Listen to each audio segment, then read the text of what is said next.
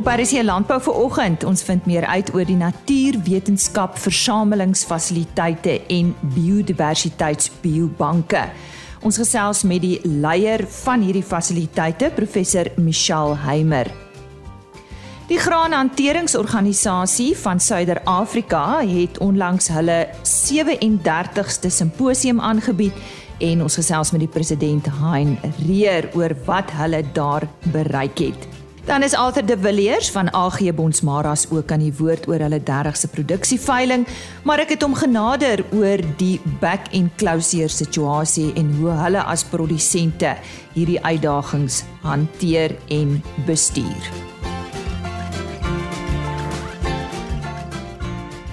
Dis Lisa Roberts wat groet vir oggend vir nog 'n aflewering van RSG Landbou en ek vertrou jou naweek was wonderlik. Professor Michelle Heimer lei die implementering van twee nasionale navorsingsinfrastruktuurprojekte wat deur die Departement Wetenskap en Tegnologie befonds word. Dit is die Natuurwetenskap Versamelingsfasiliteite en die Biodiversiteitsbiobanke in Suid-Afrika. Ek het onlangs met haar hieroor gesels. Sy verduidelik eers wat presies is die Natuurwetenskap Versamelingsfasiliteite. Okay, so natural science collections are preserved plants and animals, so things like pressed plants, um, animal skins, skulls, bones, um, pinned insects, frogs, and snakes in um, ethanol to preserve them. And these are very large collections that have been built up over a very long, long period of time, and they're kept in safe storage, in mostly in museums and in herbaria across the country. So we've got about 30 million specimens or objects that represent over 100,000 different species, and they've been collected over the last 200 years. Die volgende vraag sal natuurlik wees: Wat is die doel van hierdie versamelings? Hoekom het ons dit nodig? Okay, so this is a, a record of our biodiversity in the country, and it's also a historical record because it's been collected over so long. Um, and so it's like a reference collection for identifying um, plants or animals. You can check against the known ones in the collection. Um, and then there also these there's data associated with each specimen. So when it was collected, when it was collected, who collected it. And we compile all of those data into big databases that can be analyzed to look at how species spread or have shrunk in their distribution. Um, so how distribution of species is changing over time. En waarom is dit vir landbou ook belangrik? You know there there are um, a lot of pest species, insect pests that can that need to be identified, and we use the collections to to do that identification. And there's also a lot of beneficial insects and plants that that we need to be able to accurately identify for, for agriculture. And we can also use those data sets to look at how um, pests or parasites have changed, how they've spread, how they've gone up and down over time. I think just, just to understand the diversity in agricultural lands of plants and animals that are there. Um, some are beneficial, some are, are harmful for agriculture. So it just really tells us a lot about the, the species that are on the land and, and how they've changed over time. And, and many of those play a very important role for agriculture. Die ander fasiliteite is die biodiversiteitsbiobanke. Hoe verskil dit van die natuurwetenskapversamelingsfasiliteite? The natural science collections are um, dead things. You know, they're dead, they're not living at all. There's no chance of them ever being um, brought back to life or um, being grown. Whereas the biobanks, a, a lot of that material is um, they're gene banks. And so they store materials like seeds, those can be grown. Tissue cultures of crop plants, so that can be used to grow a full plant. Um, they they cultures of microbes, so bacteria, viruses, um, fungi. So they can be put into a, a, sort of rested state, but they can be resuscitated or regrown at any point. And it's sperm and eggs from from animals. And then there's also things like blood and hair and feces and um, all tissue samples and extracted DNA that are kept frozen. It's different. It's not the whole thing, and and they serve quite a different purpose in some cases. Daar's verskeie van hierdie biodiversiteitsbiobanke, maar waar is hulle in Suid-Afrika? There are agricultural biobanks and gene banks and tissue cultures for crops and and um, livestock and diseases, and those are at the Agricultural Research Council. So they're also scattered across the country. And then there are microbial ones at the University of the Western Cape, another one at the University of Free State. There's wildlife disease or wildlife veterinary biobank at Skukuza in the Kruger Park. There's another one at, at the National Zoo in Victoria. Um, there's seed banks um, that fall under the Department of Agriculture and also one that falls under the National Biodiversity Institute. So there's a whole range of different types that are under different institutions and in different places in the country. En wat is hierdie fasiliteite se bydrae tot landbou? So they obviously um there's some that are very specifically agricultural biobanks, gene banks and and crop tissue cultures and there's also all the disease biobanks, so viruses and bacteria that affect plants and animals is all the material from those diseases. And those are used a lot for research. So research into, into agricultural um, diseases, things that affect livestock or crops. And there's research going into that. There's research going into the crop improvement. So using these gene banks to improve crops, using the gene banks to improve livestock, um, developing new products, biotechnology products. So there's a lot in the um, yeasts and in the fungi for soil improvement and for fertilizer, different um, types of fertilizer materials. So there's a lot of um, new development, but then also a lot of assistance to to help um with with disease identification. En so sê professor Michelle Heimer, sy lei die implementering van twee nasionale navorsingsinfrastruktuurprojekte wat deur die departement wetenskap en tegnologie befonds word en dit is die natuurwetenskap versamelingsfasiliteite en die biodiversiteitsbiobanke van Suid-Afrika. As jy nou hier by ons aangesluit het, baie welkom. Jy's ingeskakel vir RSG Landbou. Dis net hier op RSG vanaf 5uur tot 6:30 van my kant af, Maandag tot Donderdag.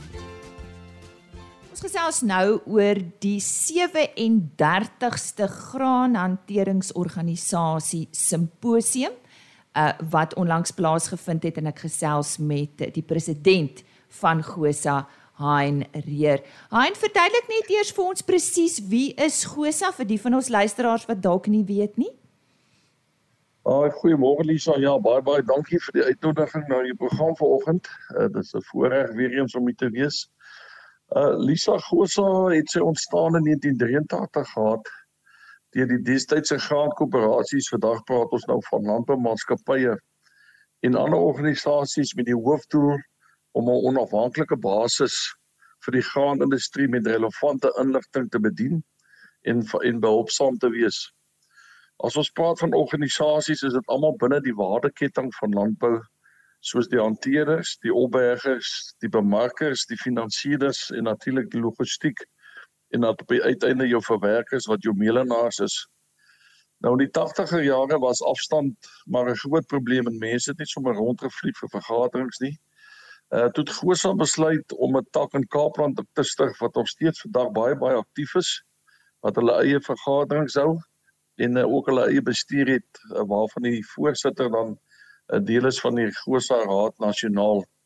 Nou Gosa is 'n baie trotse instansie of organisasie, uh, sy bestuur, sy lede en sy erelede wat hy sedert 1980 bereik het.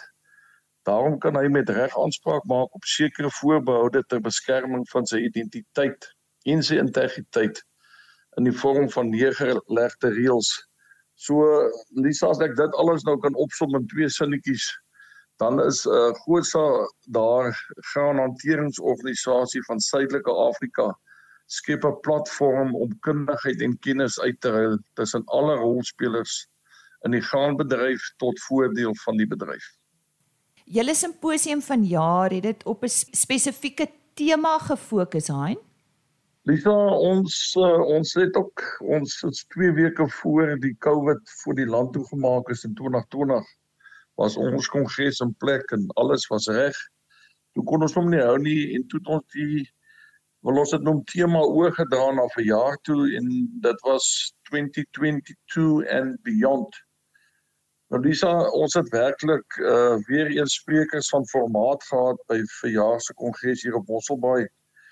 Uh ons het vaat vir dokter, ekskuus, prof Janie Resou, uh dokter Rolof Botha, Theo Venter, uh meneer Wessel Lemmer, uh Benoy Leroy, ons het werklik baie groot groot sprekers gehad. Maar wat vir jaar se kongres 'n bietjie anders te uh gemaak het is die feit dat ons het die eerste gedeelte daarvan werkswinkels aangebied waar ons sprekers gehad het met werkpreeklokale uh vier sprekers en elke spreker ehm uh, moes sy uh voorlegging dan twee keer doen so die lede wat die kongres bygewoon het het 'n keuse gehad waar hulle dan twee van die werkswinkels kon bywoon op een middag. Voedselsekerheid was een van die punte wat uitgestaan het en dit is duidelik dat voedselsekerheid nog nie ernstig genoeg aangespreek word nie. Die uitvoere van landbouprodukte soos wyn, mielies en sitrus is een van die weinige middele wat nog positief bydra tot die groei in die Suid-Afrikaanse ekonomie. En die graanwaarde ketting speel 'n integrale rol hierin. Landbou hou nog Suid-Afrika se deure oop en dit is iets wat baie baie min mense besef. Met so wat 30 miljoen mense wat hulle inkomste maandeliks van die staat ontvang, voed 36000 boere en hulle werkers op die plaas elke dag in Suid-Afrika 58 miljoen mense. Dit is hoekom die graanhanteringsorganisasie van Suid-Afrika reken dat die regering van die dag behoort voedselsekerheid net soos in Eskom as 'n nasionale bate te klassifiseer. Hein, jy het nou al voedselsekerheid genoem, maar wat sal jy graag nog met die algemene landbouer of lid van die graanwaardeketting wil deel? Iets wat tydens uh, die simposium sterk na vore gekom het? Lisa, die Suid-Afrikaanse landbouprodusente se rekorduitvoere gedurende verlede jaar het die invoere van landbouprodukte en kos oortref. Uh kos en drank ter waarde van 100 77.8 miljard rand is in 2021 uitgevoer. Nou dit is 5.2% meer as in 2020 wat beteken dat 75.4 miljard rand se goedere meer uitgevoer is as ingevoer. Ons het dus 'n handelsoorskot gehad van 75.4 miljard rand wat landbou vir die ekonomie van Suid-Afrika uh ingewin het. Gosa kan namens sy lede die noodsaaklikheid van voedselsekerheid beklemtoon en ons as Gosa is duidelik bewus dat die private sektor en die produsente daar buite bewus is daarvan. Dit is egter die regering van die dag wat 'n hernieude besef sal moet kry oor wat se bate voedselsekerheid vir die land is. Dan verneem ek julle het julle embleem verander. Wat is die rede hiervoor? Vertel ons 'n bietjie daarvan. Dis so ja, ek meen die hele wêreld daar buite het ons verander die laaste 2, 3 jaar. Dis het landbou ook binne landbou het dinge baie verander. En in pas met Gosa se toekomsgerigtheid het ons die uh, tydens ons 37ste simposium hier in Mosselbaai verjaar 'n nuwe embleem aan ons lede bekend gestel. Dit is 'n moderne uitbeelding van die Gosa letterwerk wat afgerond is met 'n groen blaar wat groei simboliseer asook 'n slagspreuk wat sê connecting the grain value chain. En dit is presies waar Gosa se missie staan en dit is we connecting the grain value chain. Om jy af te sluit daai en baie dankie vir jou tyd vanoggend. Wat is op julle agenda vir die volgende jaar? Dis ons beplan vir die volgende jaar uh, vier werkswinkels uh, waarvan twee fisies sal plaasvind en twee virtueel. Uh, daar sal gemik word op onderwerpe wat relevant is tot die bedryf. Een van Gosa se hoofdoelstellings Lisa is die skep van 'n platform om kundigheid en kennis uit te ruil tussen alle rolspelers in die bedryf wat tot voordeel sal wees van die graanbedryf. Ons sal ook weer ons jaarlikse simposium en algemene jaarvergadering in Maart volgende jaar aanbied. En so sê Hein Reer, hy se president van GOSA of terwyl die graanhanteringsorganisasie van Suidelike Afrika en hy het gesels oor hulle 37ste simposium.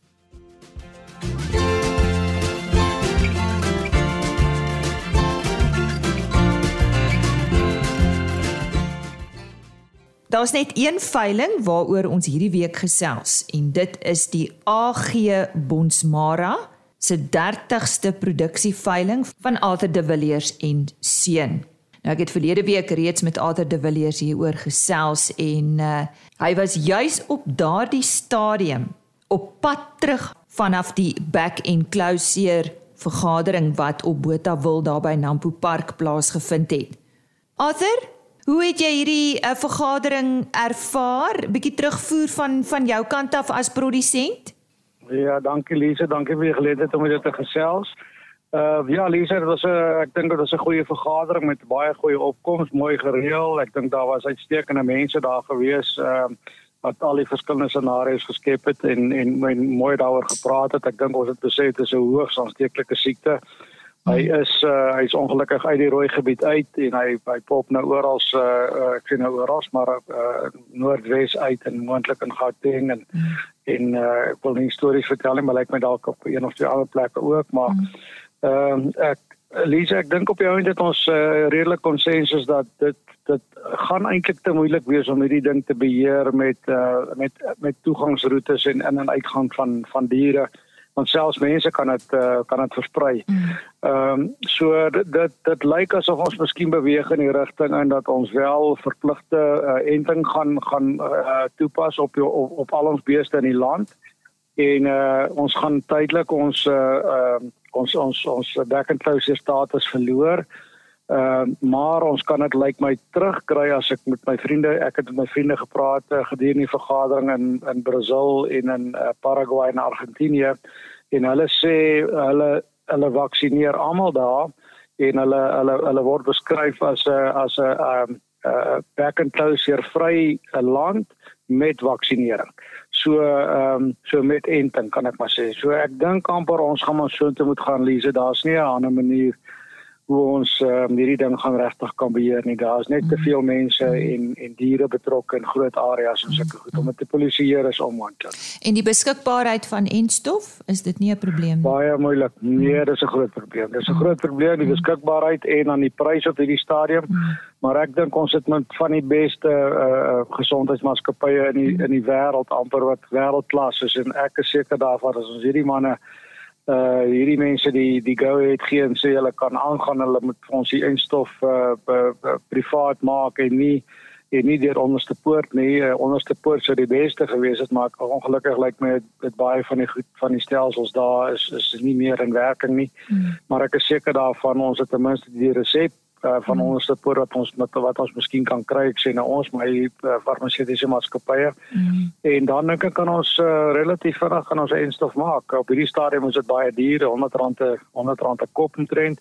Uh, maar dit is eindstof wat ons moet invoer van of Botswana of of ander lande af en so. Mm en eintlik het ons die vermoë gehad om dit te doen was ek sê ongelukkig is daai stelsels gebreek jy weet. Mm. uh, maar ek is seker daarvan uh, ons ons ons mense gaan gaan uh, gaan tafel te kom en met vinnige oplossing kom jy weet. Ek is ook bly om te sê dat ek dink nie die ouens neem oorhaastige besluite nie. Hulle neem regtig deur deur dink te besluite en en en en hulle besef die die implikasies van die hele ding en hoe groot dit groot invloed dit eintlik het op die land en op die op die boere en op voedselsekuriteit en alles. So dis 'n groot storie maar ek ek ek sien bietjie lig in die tonnel daarom, jy weet. So elke produsent moet maar het sy groot of klein moet maar verantwoordelikheid neem, is ek reg? Verseker Lise. Ons sal dit so moet doen, jy weet. Ek dink ook die die die naspeurbaarheid en sulke goed sal ook met 'n plek begin kom, jy weet dat ons uh, weet van waar af die here kom, watter hulle geënt met watter uh uh patch byvoorbeeld is hulle geënt en en daar sal maar 'n klompie papierwerk gedoen word wat ongelukkig nou maar so is en ek meen ander lande kry dit reg en Namibië kry dit reg, Botswana kry dit tot 'n groot mate reg lyk like my